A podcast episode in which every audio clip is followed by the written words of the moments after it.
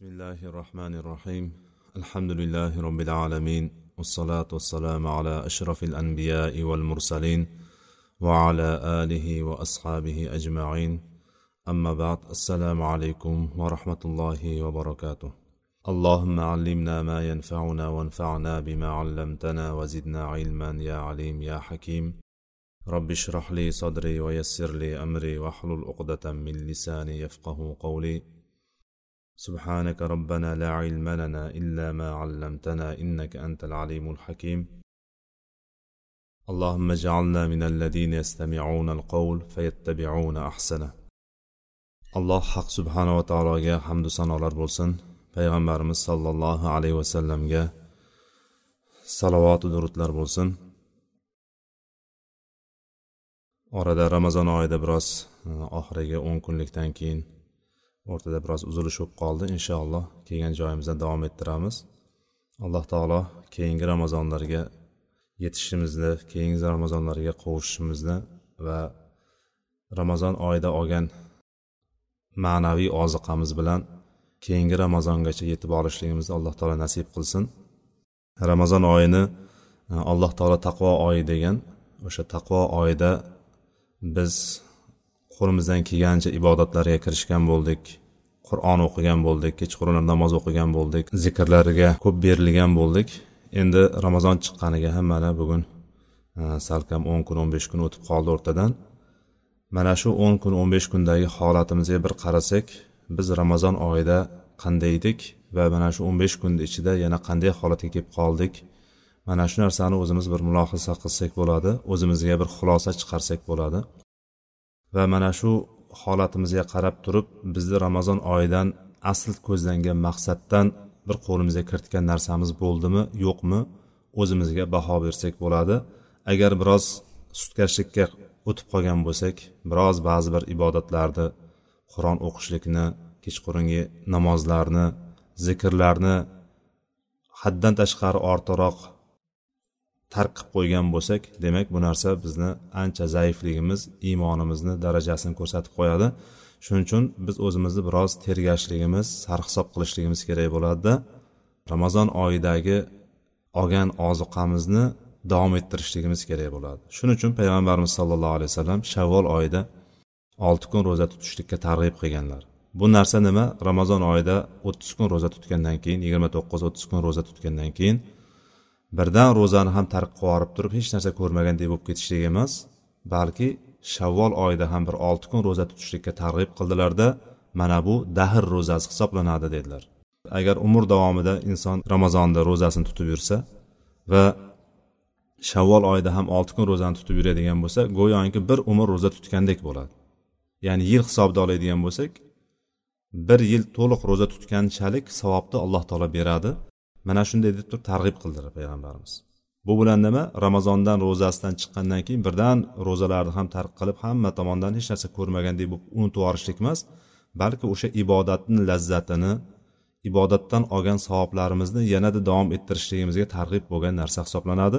Va shuning uchun xatm qur'on qilayotgan bo'lsak qur'onni xatmlarini davom ettirishligimiz kechqurungi ibodatlarni ham ja ramazon oyichalik qilolmagan taqdirimizda ham lekin to'liq tark yuborgan holatda emas ma'lum bir qismini davom ettirishimiz kerakki asli ko'zlangan maqsad ham mana shu. Alloh taolo bizga ibodatlarni muyassar qilsin. Ibodatni ya'ni ramazon oyida olgan taqvomiz bo'ladigan bo'lsa o'sha taqvomizni davom ettirishligimizni va o'zini roziligiga muyassar bo'lishligimizni alloh taolo bizga tavfiq bersin. Biz riyoz solihin kitobidan ikki yuz o'n beshinchi hadisga kelib to'xtagan ekanmiz. E, hozir o'qiyotgan hadislarimiz zulmni harom qilinganligi haqidagi boblardan edi. Zulmni harom qilinganligi va kimnidir qo'lida zulm bilan olgan narsasi bo'ladigan bo'lsa o'shani egasiga qaytarishlikning vojibligi haqidagi bobda davom etayotgandik. Mana bugun inshaalloh e, o'sha kelgan hadislarimizdan bu nechinchi hadis bo'lsa bobimizni o'sha hadisdan e, davom etamiz. va zulmni boshqa boshqa ko'rinishlarini o'rgangan bo'lamiz inshaalloh وعن أبي هريرة رضي الله عنه عن النبي صلى الله عليه وسلم قال من كانت عنده مظلمة لأخيه من عرضه أو من شيء فليتحلله منه اليوم قبل أن قبل أن لا يكون دينار ولا درهم إن كان له عمل صالح أخذ منه بمقدار بقدر مظلمته وإن لم يكن له حسنات أخذ من سيئات صاحبه فحمل عليه رواه البخاري abu hurayra roziyallohu anhudan rivoyat qilinyapti hadis payg'ambarimiz sollallohu alayhi vasallam shunday dedilar kimdadir kimni yonida birodarini obro'si bo'lsin yoki birodarini biron bir narsasiga tegishli narsasi bo'lsin o'shandan zulm bilan olgan narsasi bo'ladigan bo'lsa ertaga na dinor na dirham ya'ni na oltin na kumush foyda bermaydigan kundan kelishidan oldin o'sha kunga borib qolishligidan oldin mana shu kunni o'zida uni rozi qilsin. O'shani egasiga qaytarib bersin dedilar.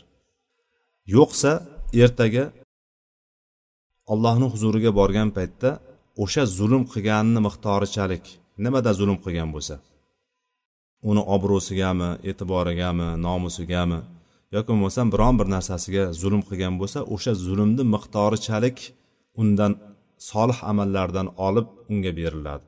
Ya'ni mazlumga olib beriladi.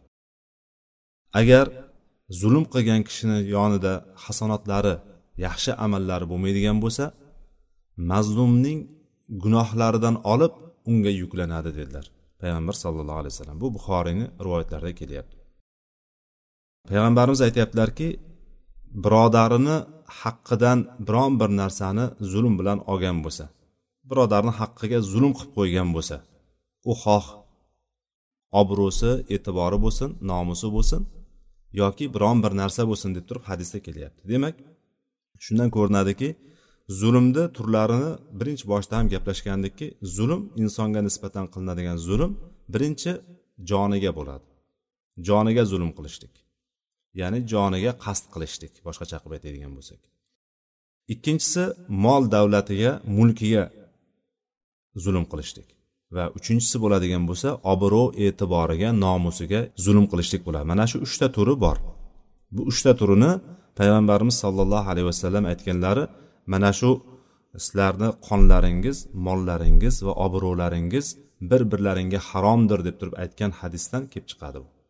Va qaraydigan bo'lsak bu kundagi zulmlarni ko'rinishi bundan tashqariga chiqmaydi. Zulmni hammasi mana shuni ichiga kirib ketadi.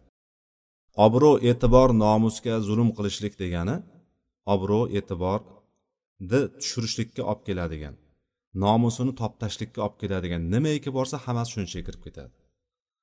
Buni qadrini yerga urishlik yo bo'lmasam uni g'iybat qilishlik chaqimchilik qilishlik ba'zi bir tuhmatlarni qilishlik bo'xtonlarni uydirishlik nomusini buzadigan yoki nomusini toptaydigan ba'zi bir narsalarni qilmagan narsalarni qildi deb turib aytishlik. Mana bular hammasi mana shu obro'ga taalluqli bo'lgan narsalar hisoblanadi. Mana shuni kimda kim o'sha jihatdan nomusiga obro'siga e'tiboriga zarar berib qo'yadigan o'shani obro'sini tushiradigan zulmlarni qilib qo'yadigan bo'lsa yoki mol dunyosiga zarar beradigan bo'lsa mol dunyosini tortib oladigan bo'lsa yashirincha oladigan bo'lsa shunga o'xshagan yoki joniga qasd qiladigan bo'lsa uradigan bo'lsa so'kadigan bo'lsa yo bo'lmasam o'ldiradigan bo'lsa kimdir mana shunday bo'ladigan bo'lsa payg'ambarimiz sollallohu alayhi vasallam shu dunyoda imkoni bor buni deyaptilar. Shu dunyoda mana shu kun imkoni bor ekan imkonidan foydalansin deyapti o'sha imkoniyatni qo'lga olib turib biz o'shandan roziligi o'sha kishidan zulm qilib qo'ygan kishimizdan borib turib roziligini olishligimiz kerak. Bundan xoh u biladimi xoh bilmaydimi farqi yo'q. Biz unga zulm qilganligimizni u biladimi bilmaydimi farqi yo'q bu yerda. Borib turib o'shandan halollik olishligimiz kerak. Agar shu dunyoni o'zida halollasha olmaydigan bo'lsak bir birimizda rozi rizochilik qilolmaydigan bo'lsak ertaga hech qanaqa narsa foyda bermaydigan kun. Na mol dunyo na oltin kumush foyda bermaydigan kunga borib qolgan paytimizda na o'rtaga bir shafoatchi tushadigan bizni allohdan gunohini yengillashtirib ber buni deb turib so'rab beradigan yoki bir orachilar bo'lmaydigan kun eng yaqin do'stlar yoki bir mansabdor shaxslar bo'lmaydigan kun faqat olloh hukm qilgan adolat bilan hukm qiladigan hukm bo'lib turgan kun kelib qolmasligidan oldin mana shu dunyoni o'zida bir birimizdan rozi rizolikcha olib olishligimiz kerak ekan. Payg'ambarimiz sallallohu alayhi vasallam shunga targ'ib qildilar. Yo'qsa agar mana shuni qilmaydigan bo'lsak o'zimizni agar o'shani qilishligimizdan o'zimiz qiynaladigan bo'lsak qilolmasak o'sha narsani qilib qo'yib turib biz kibrga ketadigan bo'lsak borib shundanmi endi men kechirib so'rayman?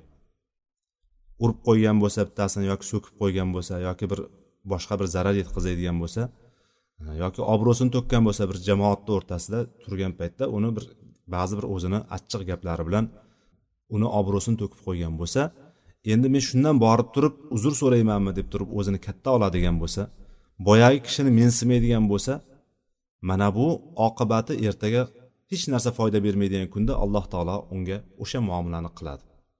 Ya'ni qanchalik darajada unga zulm qilgan bo'lsa o'shani darajasida uning solih amallaridan olinadida mazlumga beriladi.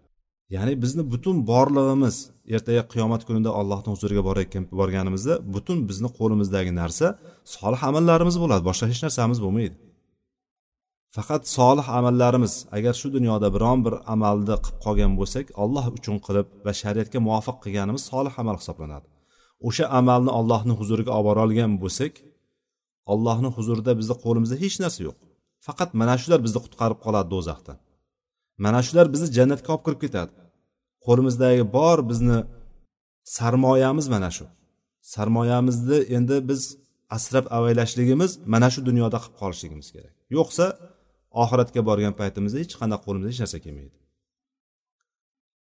Va o'sha kunda kimga zulm qilib qo'ygan bo'ladigan bo'lsak kimnidir dilini og'ritgan bo'lsak kimnidir obro'sini to'kkan bo'lsak kimnidir g'iybat qilgan bo'lsak kimdadir chaqimchilik qilib turib uni bir e, zarar bergan bo'lsak kimnidir molini tortib olgan bo'lsak mana shunga o'xshagan zulmni har ko'rinishini qilgan bo'lsaku agar shu dunyoda rozi rizoligini olmagan bo'lsak ertaga bor butimiz bo'lgan solih amalimizdan olinadida o'shanga beriladi mazlumga beriladi. Agar yonimizda bir solih amalimiz bo'lmaydigan bo'lsa uni gunohlari bizga yuklanadi. Alloh bundan saqlasin.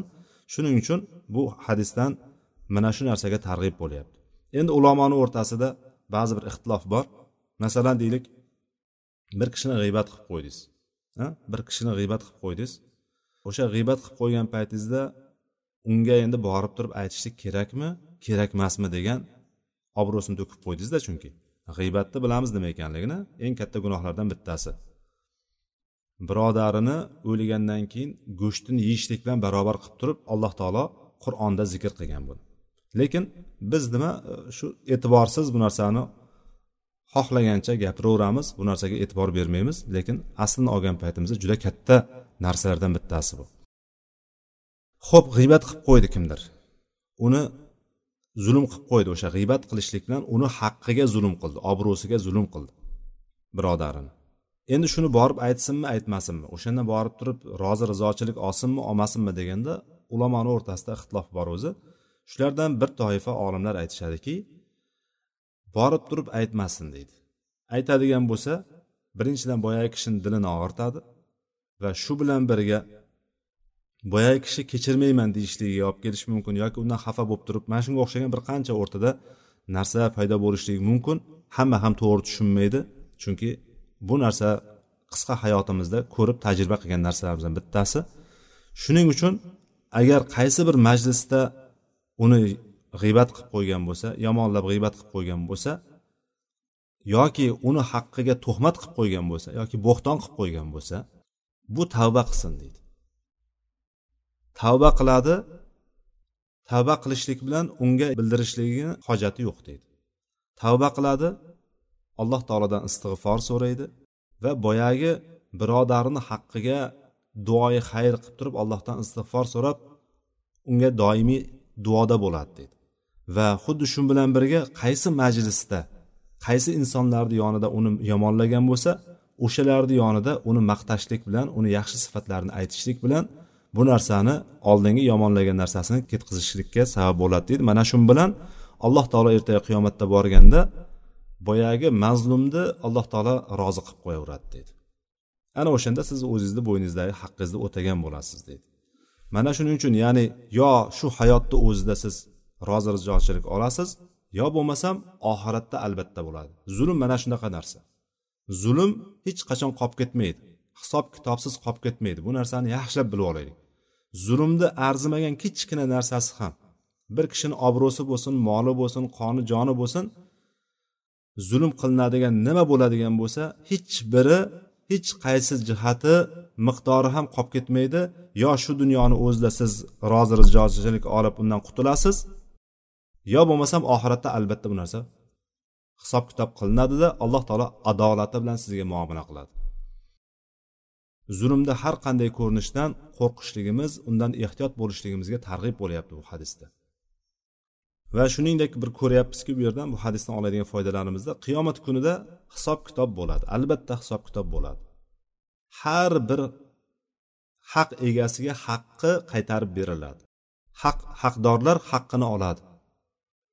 Bu dunyoda haqsizliklar juda ko'p lekin ertaga qiyomatda borganda haqsizlar albatta haq egalari haqqini oladi qaytarib. Hatto o'tgan darsimizda o'tgandikki shohli qo'ydan shohsiz qo'yga olib beriladi haqqi.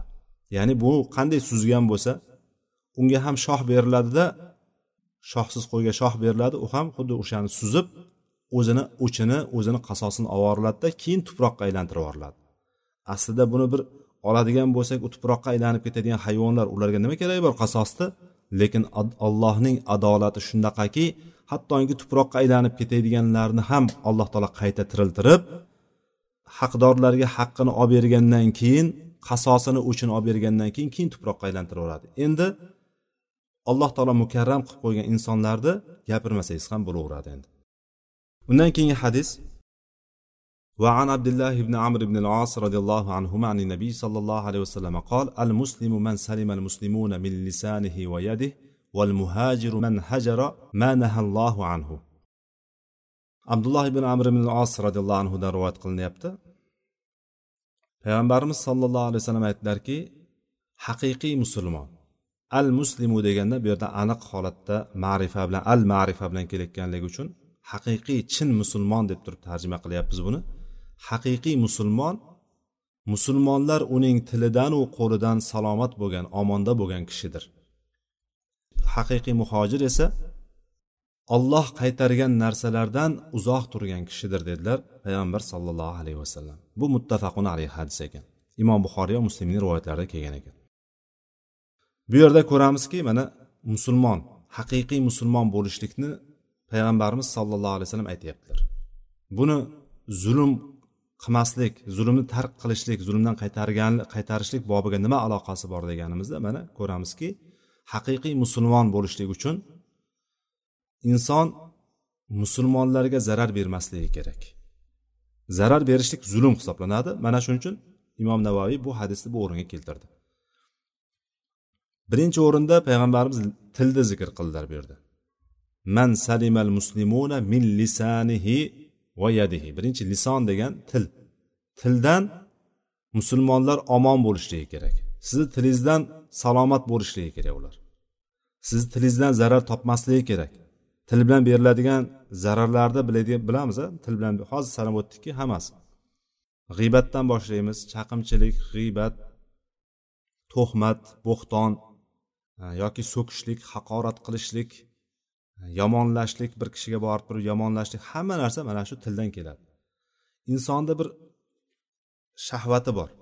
Insonni shahvati shahvat aslida arab tilida oladigan bo'lsa shahvat so'zi insonni xohlashligi bir narsani juda xohlashligini shahvat deydi. Shuning uchun yeyish shahvati bor ichish shahvati bor farjdagi biz bilganimiz nikohlanishlik shahvati bor. Mana shu shahvatlarni hammasini bitta arab tilida alohida alohida o'zbek tilida shahvat deganda faqatgina jinsiy shahvatni tushunamiz biz. Lekin insonda mana shu xohishi bor. Mana o'zbekchaga tarjima qilib aytyapmiz insonni xohishi bo'lgandek jinsiy xohishi bo'lganidek gapirishlikka ham mana shunday xohishi bor. O'shanday bir shahvati bor. Juda xohlaydigan. Sizni jinsiy shahvatingiz qanchalik insonni o'sha ishni qilishlikka targ'ib qiladigan bo'lsa til ham shunaqaki gapirishlikni so'raveradi. Tinimsiz gapirsa. Bir narsalarni gapirib o'shandan o'sha shahvatini qondirishlikka harakat qiladi. Gapirib o'zini ehtiyojini qondirishlikka harakat qiladi. Til gapiraveradi. Lekin biz o'sha tilni doim biz chegaraga solib turishligimiz kerakki bu narsani payg'ambarimiz sollallohu alayhi vasallam aytganlar muoz ibn jabalga islom haqida xabar berdilar. Namoz haqidagi xabar berdilar jihod haqida xabar berdilarda bularni hammasini eng tepasida turadigan narsani senga o'rgataymi dedilar. Mana shu narsalarni hammasini qilishlik mumkin bo'lgan qo'lga olishlik mumkin bo'lgan narsani o'rgatib qo'yaymi senga deganlarida muoz aytdiki ha degan paytimizda payg'ambarimiz sollallohu alayhi vasallam qo'llari bilan tillarini ushladilarda mana shu narsani tiygin dedilar. Tilingni tiyib yurgin dedilar. Ya'ni inson islomdagi shariat ibodat shariatni ichidagi butun narsalar namoz jihod mana bunday katta narsalarni nafsga qanchalik qiyin bo'ladigan bo'lsa mana shularni hammasini bir joyda jamlab o'shalarni oladigan savobichalik savobni olishlik imkoni bo'lgan narsani payg'ambarimiz sollallohu alayhi vasallam tillarini ushladilarda mana shuni tiyib yurgin dedilar. Shunda muoz yo allohni rasuli yo rasululloh biz mana shu gapirgan narsalarimiz bilan ham ertaga so'ralamizmi biz? Gapirgan og'zimizdan chiqqan gaplarimiz sababli biz azobga duchor qilinamizmi? deb so'radi. Shunda payg'ambarimiz sallallohu alayhi vasallam onang seni tug'masin dedilar. Ya'ni onang seni yo'qotib qo'ysin. Bu e, shu arablardagi aytiladigan narsa qurib ketgir deb qo'yiladi. Ya'ni bu asl maqsad qilingan narsa emas uni ko'zlangan narsa. Bu yerda shu aytiladigan e, boyagi tanbeh jihatida aytiladigan gap bu. Payg'ambarimiz sallallohu alayhi vasallam ey moz onang seni yo'qotib qo'ysin dedilarda orqasidan insonlarni yuz tuban jahannamga uloqtirilishiga sabab bo'ladigan narsa mana shu tildan til sabablidir yoki mana shu tildan hosil bo'lgan narsalardir deb turib payg'ambarimiz sallallohu alayhi vasallam aytganlar ya'ni do'zaxga uloqtirishligini asosiy sabablaridan bittasi ham til bo'lib qolyapti bu yerda. Demak inson mana shu tilda gapirishlikka juda haris. Gapirishlik kerak inson. Bitta narsani bilib olsa kichkina narsani bilib olsa o'shani bo'rttirib oshirib qo'shib toshib gapirishlik kerak o'sha narsani. Ignadan tuya yasashligi kerak. O'shani gapirmasa ichi shoshib ketaveradi. Nafsi targ'ib qilaveradi gapir gapir gapir deb. Lekin payg'ambar sallallohu alayhi vasallam aytdilarki musulmonlarga ozor bermaydigan kishi tili bilan ozor bermaydigan kishi musulmonlar tilidan omonda bo'lsa uni tilidan ana o'sha haqiqiy musulmon dedi. Demak o'zimizga bir qaraylik. O'zimizga qaraydigan bo'lsak biz men haqiqiy chin musulmon bo'la olyapmanmi yo'qmi? Agar kimgadir tilimiz bilan ozor berib turgan bo'lsak kimnidir g'iybat qilib turgan bo'lsak kimnidir chaqimchilik qilib turgan bo'lsak bilaveraylikki demak men haqiqiy musulmon emas ekanman. Haqiqiy musulmonlik darajasiga yetmabman hali. Demak menda iymonimda islomimda men zaiflik bor ekan deb turib o'zimizni biroz tergashligimiz kerakda tilimizni tiyishligimiz kerak. Tilimizni shahvatini tilimizni xohishini biroz bosib turishligimiz kerakki hech bo'lmasam birodarlarimizga ozor bermaylik. Birodarlarimizni obro'sini to'kmaylik.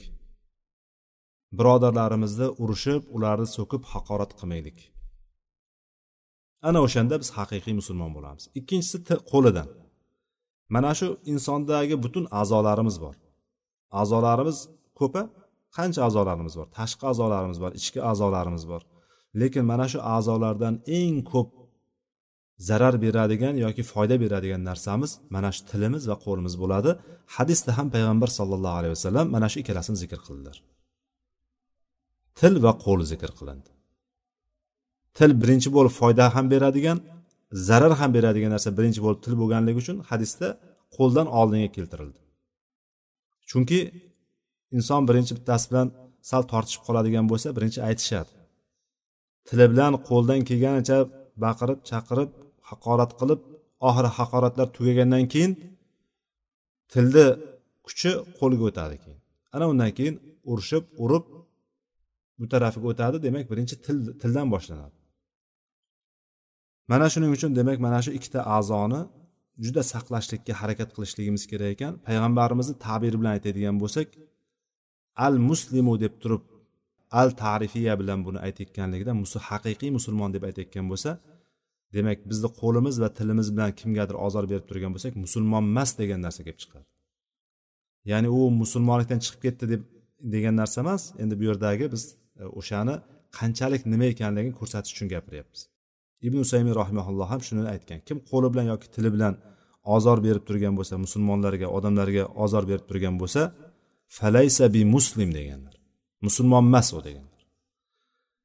Ya'ni islomdan chiqib ketib qolmaydi lekin musulmon emas degan narsani eshitishlik sen musulmon emas ekansan deyishlikni eshitishlik bu narsa katta narsa.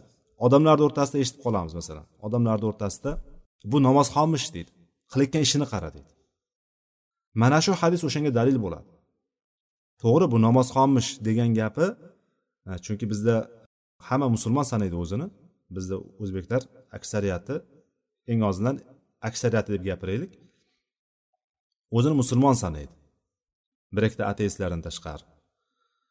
Shuning uchun namoz o'qib turgan odamni agar u biron bir nojo'ya ish qilib qo'yadigan bo'lsa bu namozxonmish deydi bu qilayotgan ishini qara deydi. Uni gapida jon bor. Mana shu yerda ham u kimgadir tili bilan ozor berib turgan bo'lsa qo'li bilan ozor berib turgan bo'lsa kimdir haqorat qilib turib kimdir urib doim urishib kimgadir zarar berib turgan bo'ladigan bo'lsa u musulmonmishmi desa bo'ladigan narsa bo'ladi. Seni musulmonchiliging qayerda qoldi deb turib biz unga dakki berishligimiz uni koyishligimiz mumkin bo'ladi. Hadisni ikkinchi qismida bo'ladigan bo'lsa muhojir haqida gapirilyapti hijrat nimaligini biz bilamiz. Hijrat o'zini dinini olib ya'ni islomini yashay olmaydigan joydan chiqib islom diyoriga yoki biron bir dinini yashay oladigan joyga ko'chib borishlikni hijrat deymiz va ko'chib borgan kishini muhojir deymiz. Bu muhojir hijrat shunday narsaki hijratdan oldingi gunohlarni hammasini yuvib yuboradi. Hijrat agar haqiqiy olloh uchun chiqadigan bo'lsa hijrat qilishdan oldingi qilingan gunohlarni hammasini yuvib yuboradi. Endi bu yerdagi hijratni haqiqiy muhojirni boshqa ko'rinishini payg'ambar sallallohu alayhi vasallam aytyaptilarki alloh taolo qaytargan narsalardan uzoq turgan kishi haqiqiy muhojirdir dedilar. Demak alloh taolo qaytargan narsalardan gunohlardan harom ishlardan uzoq turishlik bu hijratni haqiqiy ma'nosida oladigan haqiqiy hijrat qilgan kishi oladigan savobga olib borib qo'yadigan o'sha savobni olib beradigan narsa ekan. Chunki nafs xohlaydi. Alloh taolo harom ishlarni qo'yib qo'ydi. Bu harom ishlarni qaysi biriga qaramang nafs o'shani xohlaydi. Nafs o'shani xohlaydigan qilib qo'yildi. Shunaqa tabiat berildi nafsga. Agar nafs uni xohlamaydigan bo'lsa nafs undan jirkanadigan narsani qo'yib qo'yadigan bo'lsada ana undan keyin bu narsa sizlarga harom deydigan bo'lsa unda qayerda sinov bo'lardi? Bizga qanaqa imtihon bo'lardi bo'lmasa imtihon bo'lmasdi hech qanaqa nafs o'shani xohlaydiki alloh taolo xohlaydigan qilib qo'ydi o'sha nafsni o'sha narsani. Va do'zaxni ham atrofini nafs xohlagan narsalar bilan o'rab qo'yildi. Nafs xohlaydi o'sha narsani. Xohlagandan keyin bu narsaga bizga taqiq qo'yiladi. Qaytarib qo'yiladi. O'sha qaytarilgan narsalardan biz o'zimizni nafsimizni qo'lga olib tiya oladigan bo'lsak haqiqiy muhojir oladigan savobni olamiz ekan. Payg'ambarimiz sollallohu alayhi vasallam bu o'rinda mana shu narsani aytib o'tyaptilar. alloh taolo bizga bu haqiqiy musulmon bo'lishlikni haqiqiy muhojir bo'lishlikni alloh taolo hammamizga nasib qilsin bu hadis hali yana e, takror keladi bu hadis takror kelganda o'sha bobga aloqador bo'lgan qismini ham inshaalloh yana zikr qilib o'tamiz وعنه رضي الله عنه قال كان على ثقل النبي صلى الله عليه وسلم رجل يقال له كركرة فمات فقال رسول الله صلى الله عليه وسلم هو في النار فذهبوا ينظرون إليه فوجدوا عباءة قد غلها رواه البخاري bu hadisni ham yana abdulloh ibn amir ibn os roziyallohu anhu rivoyat qilyapti payg'ambarimiz sollallohu alayhi vasallamni ba'zi bir safarlarida jihodlarda ba'zi bir safarlarda u kishini narsalarini yuklab qo'yadigan narsalarini ko'tarib yuradigan kirkiro ismli bir kishi bor edi Kirkira. Ba'zi bir rivoyatlarda karkara ham deb keladi. Bu yerdagi imom navaviy buni aytganda kir kiroh deb aytgan. Shunday kishi bor ekan. O'sha kishi vafot etgan paytda o'lganda payg'ambarimiz sallallohu alayhi vasallam u do'zaxdadir dedilar. U do'zaxda dedilar. Shunda sahobalar borib u kishini uyiga qaradi. U kishini turgan joyiga qaraganda uni narsalarini ichidan bir mato topdilar. G'animat mollaridan bo'lgan bir molni topdilar. Hali g'animat taqsim qilinmasdan oldin olinganligi ma'lum bo'ldi bundan. Mana shundan payg'ambarimiz sallallohu alayhi vasallam u do'zaxdadir dedilar.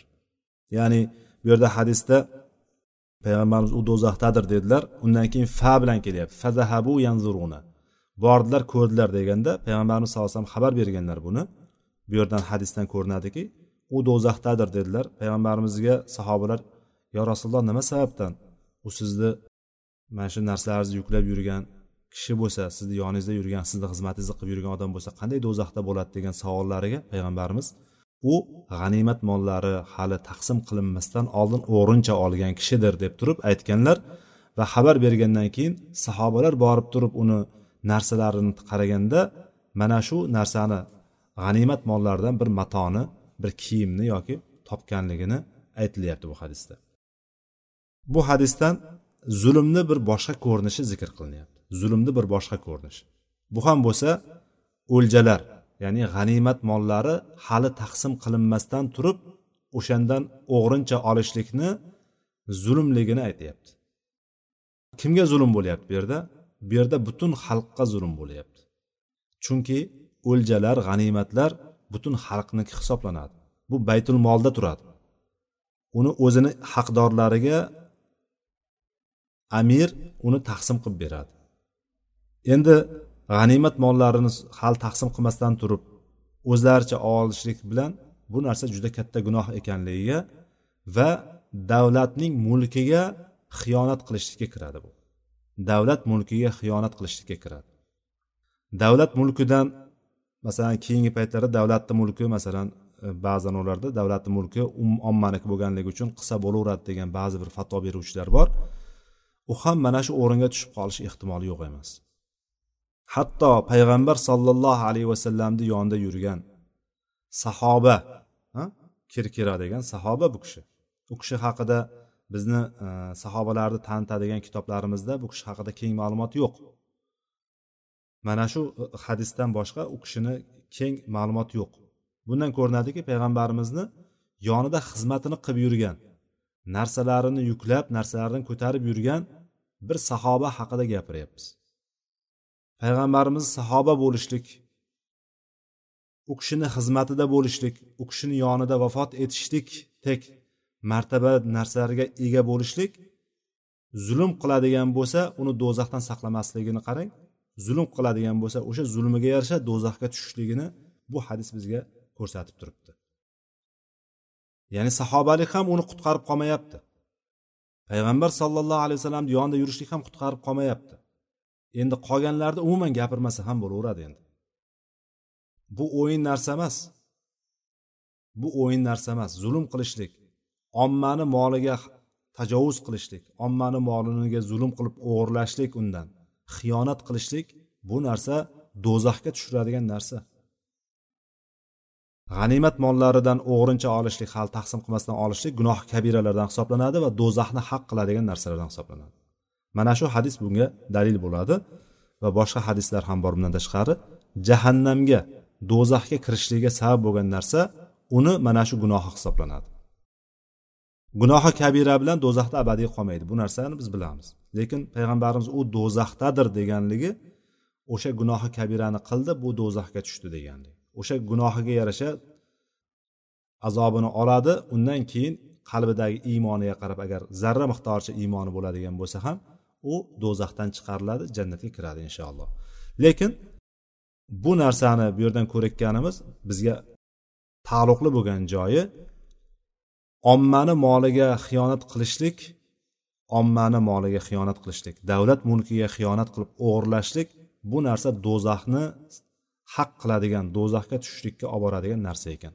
oyatda alloh taolo aytadiki وما كان لنبي أن يغل ومن يغل يأتي بما غل يوم القيامة summa tuvaffa kullu nafsin ma kasabat va hum la yuzlamun deydi ya'ni payg'ambar biror narsaga xiyonat qilishi mumkin emas payg'ambar xiyonat qilmaydi endi kimda kim xiyonat qiladigan bo'lsa bu yerda g'ol kalimasi g'animatlar ya'ni o'ljalar hali taqsim qilmasdan oldin olishlikni maxfiy yashirib olishlikda mana shu narsani g'ol kalimasi ishlatiladi. Yag'lul deyapti g'ollun ya'ni. Kim o'shani xiyonat qilib oladigan bo'lsa o'g'rincha oladigan bo'lsa qiyomat kuni xiyonat qilgan narsasini bilan keladi. Allohni huzuriga o'shani ko'targan holatda orqasiga yuklagan holatda keladi. O'tgan darslarimizda ham aytuvdik boyagi zakot mollaridan olgan kishi zakot mollaridan xiyonat bilan o'g'rincha olgan kishi ertaga o'shani ko'tarib keladi. Kimdir bo'kirib turgan baqirib turgan tuyasini yuklab orqasiga yuklab keladi. Kimdir bir sigirni baqirib turgan bo'kirib turgan sigirni ko'tarib keladi. Kimdir marab turgan qo'yni ko'tarib keladi degan hadisni o'qigan degan. Xuddi shunday bu yerda ham kim mana shu davlat moliga xiyonat qiladigan bo'lsa mana shu xiyonat qilgan narsasini ko'tarib keladi. Va qiyomat kuni ertaga alloh taolo ularga zulm qilmaydi. Ular hech biriga ziyomat zulm qilmagan holatda alloh taolo ularni har birini qilgan ishiga yarasha jazosini beradi. O'shanga yarasha har bir narsasi to'liq o'taladi har bir kishiga. Mana shundan ko'ramizki zulmni har qanday turidan biz uzoq turishligimiz kerak chunki bu qiyomat kunida zulumotdir. Ya'ni ko'p qorong'uliklar ko'p e, bizga zarar beradigan zulmlar hisoblanadi qiyomat kunida. Undan keyingi hadis ikki yuz o'n sakkizinchi hadis ekan. An abi bakrata نفيع بن حارس رضي الله عنه عن النبي صلى الله عليه وسلم قال إن الزمان قد استدار كهيئته يوم خلق الله السماوات والأرض. السنة إثنى عشر شهرا منها أربعة حرم. ثلاث متواليات ذو القعدة وذو الحجة والمحرم. yoki zulqiyada boshqa hadisni rivoyatida rojabu mudar degan ekan. Rojabu mudarulladi bayna jumada va shaban. Bu hadis uzun ekan shunga bo'lak bo'lak qilib turib tarjima qilib o'tamiz inshaalloh. Abu bakra nufay ibn haris roziyallohu anhudan rivoyat qilinyapti. Payg'ambarimiz sollallohu alayhi vasallam aytdilarki yer yuzi butun e, koinot ya'ni osmonlar va yer alloh taolo yaratgan kunida qanday bo'lgan bo'lsa qanday hay'atda qanday ko'rinishda bo'ladigan shaklda bo'ladigan bo'lsa xuddi shunday aylanishlikda davom etyapti. Aylanib keldi davom etyapti. Ya'ni zamon vaqt mana shunday. Alloh taolo birinchi kunda qanday yaratgan bo'lsa osmonlar va yerni o'sha kundagiday davom etib kelyapti zamon. Yil o'n ikki oyligicha davom etib kelyapti. Shu o'n ikki oydan to'rttasi harom qilingan oylardir dedilar.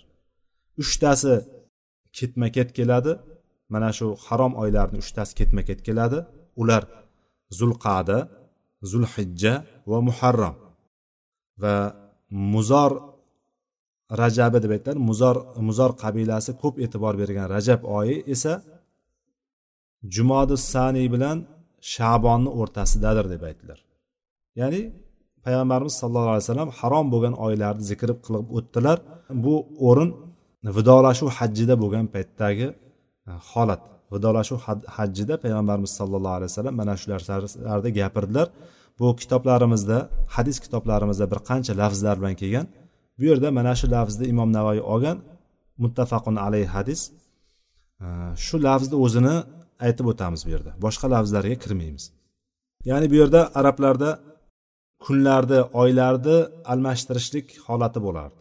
Ya'ni urush harom qilingan oylar oldindan ma'lum edi bularga. Arablarga johiliyat davrida ham ma'lum edi. Bu kunlarda urush qilishlik harom ekanligini bilishgan holatda ular o'zlariga qarab turib bu oylarni oldinga yoki orqaga siljitib turib o'sha oyda urushni halol qilib yuborishardi mana shu narsani kufr ekanligini kufrni ziyoda ekanligini qur'onda zikr qilingan. Va bu oylar o'zgarib ketgandi. Asl kunlardan asl vaqtlardan o'zgarib ketgandi. Va payg'ambarimiz sollallohu alayhi vasallam haj qilgan yili va ramazon boshlangan yili ayni kuniga kelgan ramazon bo'lishligini ayni kunga kelganligi aylanib to'g'ri kelganligi haqida rivoyatlar bor. Payg'ambarimiz sallallohu alayhi vasallam haj qilgan yillari ayni joy joyiga o'tirgandi har yil deb aytiladi. Xullas e, mana shu o'n ikki oy ekanligini aytib turib harom qilingan oylar ya'ni urush harom qilinganligi qon to'kish harom qilingan oylarni payg'ambarimiz alohida zikr qildilarda johiliyat davridagi kunlarda oylarni siljitishlikni harom ekanligini zikr qilib o'tdilar bu yerda. O'shanga ishora qilib o'tdilar. Shuning uchun alloh taolo osmonlar yerni yaratgan kunda qanday bo'lgan bo'lsa zamon xuddi shunday aylanib davom etib kelyapti deb turib bu yerda harom qilingan oylarni zikr qilib o'tdilar payg'ambarimiz. Keyin aytdilarki ayyu shahrin hada?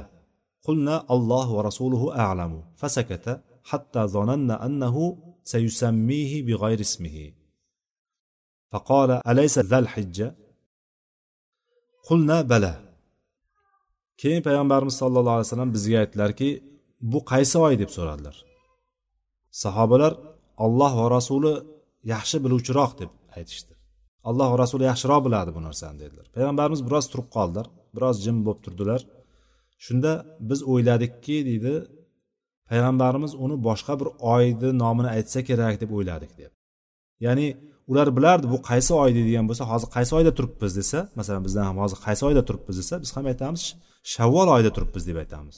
Yoki o'zimizdan unda aytib turib iyul oyida turibmiz deb turib aytamiz.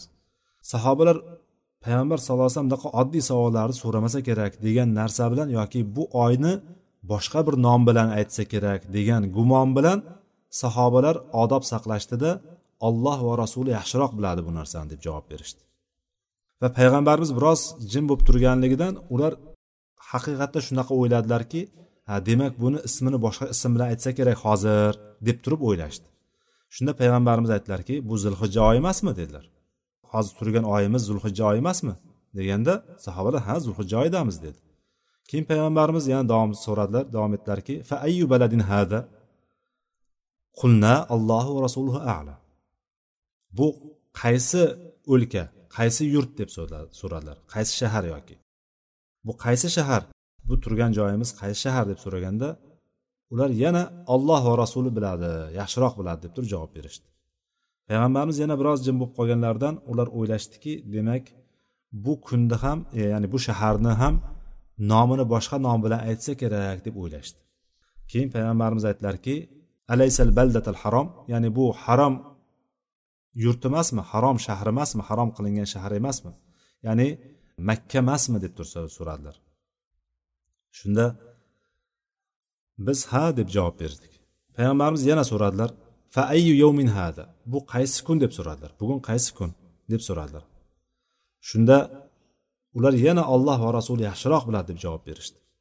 Payg'ambarimiz yana jim biroz jim bo'lib qolganligidan ular biz o'yladikki payg'ambarimiz buni ham bir boshqa ism bilan nomlasa kerak bu kunni ham deb aytganlarida payg'ambarimiz aytdilarki alaysa yovman nahr? Bu nahr kuni emasmi ya'ni qurbonlik kuni emasmi ya'ni bayram kuni emasmi qurbon bayrami kuni emasmi deb so'raganlarida ya'ni vidolashuv hajjida bo'layotgan voqea bu. ular aytishdiki ha xuddi shunday deb javob berishdi. Payg'ambarimiz aytdilarki keyin fa inna dimaakum va amvalakum va a'rodakum alaykum haromun ka hurmati yawmikum hada fi baladikum hada fi shahrikum hada.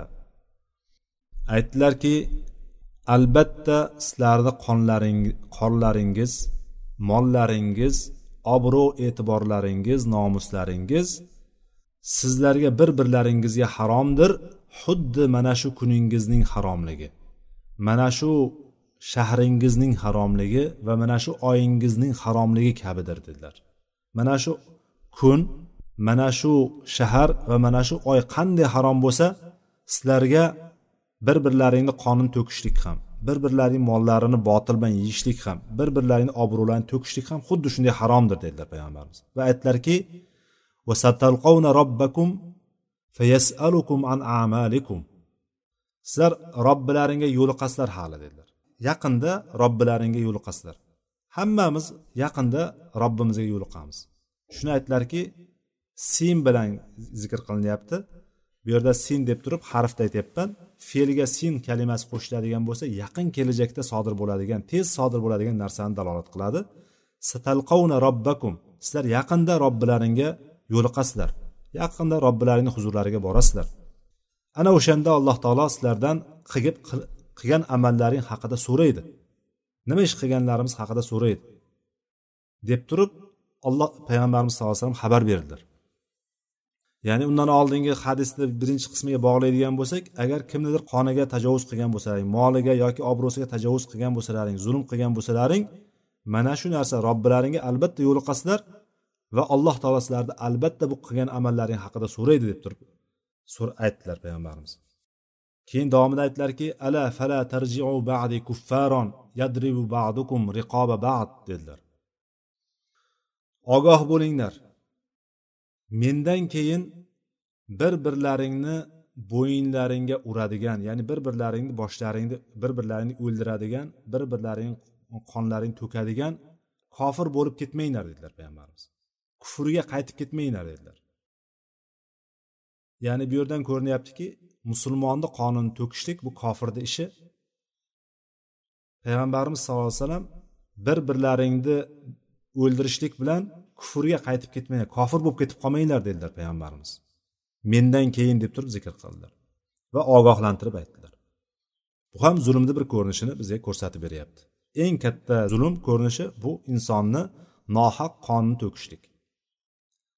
Oyatda ham kim xato qilib turib xatoan ya'ni bilmasdan turib o'ldirib qo'yadigan bo'lsa ya'ni xato qilib o'ldirib qo'yishi mumkin. Ya'ni otgan paytda miltiqdan otadimi yoki avtomatdan otadimi yoki kamondan otadimi nimadan bo'ladigan bo'lsa ham bilmasdan o'ldirib qo'yadigan bo'lsa boyagini o'q boshqa yoqqa otuvdi boshqa yoqqa tegdi. Yo bo'lmasam mashinada bosib ketdi bittasini deylik. Shunga o'xshagan xato qilib turib o'ldirib qo'yadigan bo'lsa kimnidir ana unda unga diyasini berishlik bor va bitta qul ozod qilishlik bor. Agar u dushman qavmidan bo'ladigan bo'lsa dushmanni ichida masalan bir joyga musulmonlar jihod qilib kiradigan bo'lsa o'sha yerda agar bir musulmon kishiga sizni o'qingiz tegib qoladigan bo'lsa ana o'shanda ham siz bir qul ozod qilishligingiz kerak. Buni kafforati uchun qul ozod qilishligingiz kerak. Jonga jon chunki. O'shanda sizni shu dunyodagi xatoyingiz yuviladi. Bo'lmasam xato yuvilmaydi ertaga alloh huzuri borganda javob berasiz. Hattoki siz bilan boshqa bir qavm bor boshqa bir xalq bor ularni o'rtasida sizni ahdlashuvingiz bor. Kelishuvingiz bitimiz bor ya'ni ittifoqlik bor. O'sha ittifoqlik bo'lgan qavmdan bittasini o'ldirib qo'ygan bo'lsangiz ham xato qilib turib o'qingiz borib tekkan bo'lsa o'shani o'ldirib qo'ygan bo'lsangiz ham o'shani ahliga diya to'lashingiz kerak tovon to'lashingiz kerak. Ya'ni yuzta tuya miqdorida tovon to'laysiz va orqasidan bitta qul ham ozod qilasiz. Bu mana shu dunyodagi tavbasi hisoblanadi. Endi alloh taolo aytadiki o'sha oyatni davomida keyingi oyatda kim bir musulmon kishini qasddan bilib turib o'ldiradigan bo'lsa uni joyi jahannamdadir deb aytadi. Alloh taolo unga g'azab qiladi unga la'nat aytadi. deb turib alloh taolo buni zikr qilib aytadi ya'ni musulmon kishini qasddan o'ldirishlik do'zaxda qolishlikka allohni g'azabiga va la'natiga duchor bo'lishlikka sabab bo'ladigan narsa payg'ambarimiz sollallohu alayhi vasallam aytdilarki mendan keyin bir birlaringni o'ldiradigan bo'yinlariga uradigan kofir bo'lib ketmanglar deb turib payg'ambarimiz ogohlantirdilarda undan keyin ala yuballighi shahidul g'oiba فلعل بعض من يبلغه أن يكون أوعى له من بعض من سمعه ثم قال ألا هل بلغت ألا هل بلغت قلنا نعم قال اللهم اشهد payg'ambarimiz sallallohu alayhi vasallam aytdilarki keyin sizlardan bu yerda hozir hozir bo'lib turgan meni gaplarimni eshitib turganlar yo'q bo'lganlarga bu yerda bo'lmaganlarga yetkazsin dedilar Shoyat ba'zilar borki ya'ni eshitgan odamdan ko'ra yetkazilgan kishi eshitgandan ko'ra ko'proq bu narsani yaxshiroq qamrab oladi yaxshiroq tushunib oladi yaxshiroq o'zlashtirib oladi deb turib payg'ambarimiz sallallohu alayhi vasallam aytdilar. Ya'ni hatto payg'ambarimizni yonida bo'lgan kishi bo'lmagan kishiga yetkazadigan bo'lsa o'sha payg'ambarimizni gaplarini o'sha yerda eshitmagan bo'lsa ham keyin eshitsa ham payg'ambarimiz yonida eshitgandan ko'ra yaxshiroq payg'ambarimiz gapini tushunib olishligi mumkin ekanligi payg'ambarimiz bu yerda ishora qildilar va orqasidan aytdilarki yetkazdimmi ogoh bo'linglar yetkazdimmi deb turib takrorladilar. Shunda biz aytdikki ha yetkazdingiz ya rasululloh? deb turib biz ha dedik. Shunda payg'ambarimiz sollallohu alayhi vasallam allohim o'zing shohid bo'l allohim o'zing guvoh bo'l deb turib aytdilar. Bu muttafaqun alayhi hadis. Bu yerda imom navaviyni bu o'ringa qo'yganligi bu hadisni yuqoridagi mana bu bo'limi e, ya'ni qurbonlik kuni qanday harom bo'ladigan bo'lsa makka qanday harom qilingan bo'lsa va o'sha oy harom qilingan oy bo'lsa zulhijja oyi harom qilingan oy qandaylik harom bo'ladigan bo'lsa alloh nazarida sizlarni qonlaringiz ham mollaringiz ham obro' e'tibor nomuslaringiz ham xuddi shunday haromdir bir birlaringizga deb turib aytilgan qismi zulmni ko'rinishlarini bizga ko'rsatib beryapti va payg'ambarimiz sallallohu alayhi vasallam undan keyin ba'zi bir ko'rinishlarga ishora qilib ketdilar undan keyingi hadisni ham qisqacha o'qib qo'ya qolamiz وعن أبي أمامة إياس بن ثعلبة الحارثي رضي الله عنه أن رسول الله صلى الله عليه وسلم قال من اقتطع حق امرئ مسلم بيمينه فقد أوجب الله له النار وحرم عليه الجنة فقال رجل وإن كان شيئا يسيرا يا رسول الله فقال وإن قبيضا من أرك رواه مسلم buni abu umoma iyos ibn salaba al harisiy roziyallohu anhu rivoyat qilyapti payg'ambarimiz sallallohu alayhi vasallam aytdilarki kim biron bir musulmon kishini haqqini qasam bilan yeydigan bo'lsa qasam bilan qasam ichib yeb ketadigan bo'lsa alloh taolo unga do'zaxni vojib qiladi. Ya'ni alloh taolo uni do'zaxni haq qiladi do'zaxga kiritadi va jannatni bo'lsa harom qiladi unga dedilar. Ya'ni bu ko'proq bo'ladigan qozilik masalalarida bo'ladigan ish bu. Ya'ni qozini yoniga borib turib davolashib boriladida boyagi qasam ichib turib qasam bilan bir musulmon kishini molini o'ziga halol qilib oladi. Ya'ni qasam ichib yolg'on qasamlar bilan allohga qasam ichib turib e, o'sha yerdagi sudyani yoki bo'lmasam hokimni mahkamada o'shani yengib chiqadida qozini yonida o'shani molini harom bilan yeb ketadi qasam bilan yeb ketyapti. Mana shunday qiladigan bo'lsa payg'ambarimiz aytdilarki unga alloh taolo jannatni harom qiladida do'zaxni unga vojib qiladi dedilar. Shunda bir sahoba aytdiki bir kishi aytdiki yo rasululloh agar bir arzimagan narsa bo'lsa ham shunday bo'ladimi? dedilar. Ya'ni arzimagan narsa bo'lsa ham alloh taolo do'zaxga kiritadimi uni? Jannatni unga harom qiladimi? deganda payg'ambarimiz aytdilarki agarchi dedilar. Arok degan daraxt bor. Bilamiz mana shu misvok daraxti misvok ishlatadigan o'sha misvok daraxtini arok daraxti o'shani bitta shoxi chalik bo'ladigan bo'lsa ham o'shani ham agar zulm bilan qasam ichib turib haqqini oladigan bo'lsa haqqini yeyib ketadigan bo'lsa o'shanga ham alloh taolo jannatni harom qilib do'zaxni vojib qiladilar payg'ambarimiz sallallohu alayhi vasallam. Mana bundan ko'rinadiki demak zulmni arzimagan qismi ham eng biz bilganimiz kichkina zulm ham ertaga albatta javobi bor. Bu yerda endi katta katta odam anu narsalarni tortib olishlik yo bo'lmasam o'shani kuch ishlatib turib olib qo'yishlik qaroqchilik qilishlik yoki shunga o'xshagan boshqa boshqa boshqa narsalar yo bo'lmasam o'g'irlik bilan hozirgi kunda bankalarda masalan bankalarni bank ishlari bor. Bank ishlarida masalan birovni hisobini o'zini hisobiga o'tkazib olishlik. E, yo bo'lmasam shunga o'xshagan ba'zi bir narsalar borki bularni holati yolg'on qasam bilan olishlikdan hech qanaqa farqi yo'q buni. Yolg'on qasam bilan o'shani molini yeyishlikdan hech qanaqa farqi yo'q. Internetdan kirib masalan hakerlar bu narsani qiladi ba'zi bir anavlar ya'ni odamlarni hisoblarini bir qancha hisoblardagi pullarini yechib oladi. Yo bo'lmasam bankomatlardan yechib oladi. Yo bo'lmasa bank ishlarida bu harom riboni ustiga qurilgan deb turib e, bankni o'maradi. Bankni o'marishlik bilan o'sha yerdagi xalqni molini bu olayotgan bo'ladi. Ya'ni mana shuni ya'ni odamlarni haqqini yeyishlik u bankni haqqini o'marib ketishlik bilan u ish bitadigan narsa emas u olayotgan narsasi oddiy insonlarni u yerdagi o'shanga pulini qo'ygan yoki omonatini qo'ygan kishilarni narsalarini yeyishlik bo'ladi bu.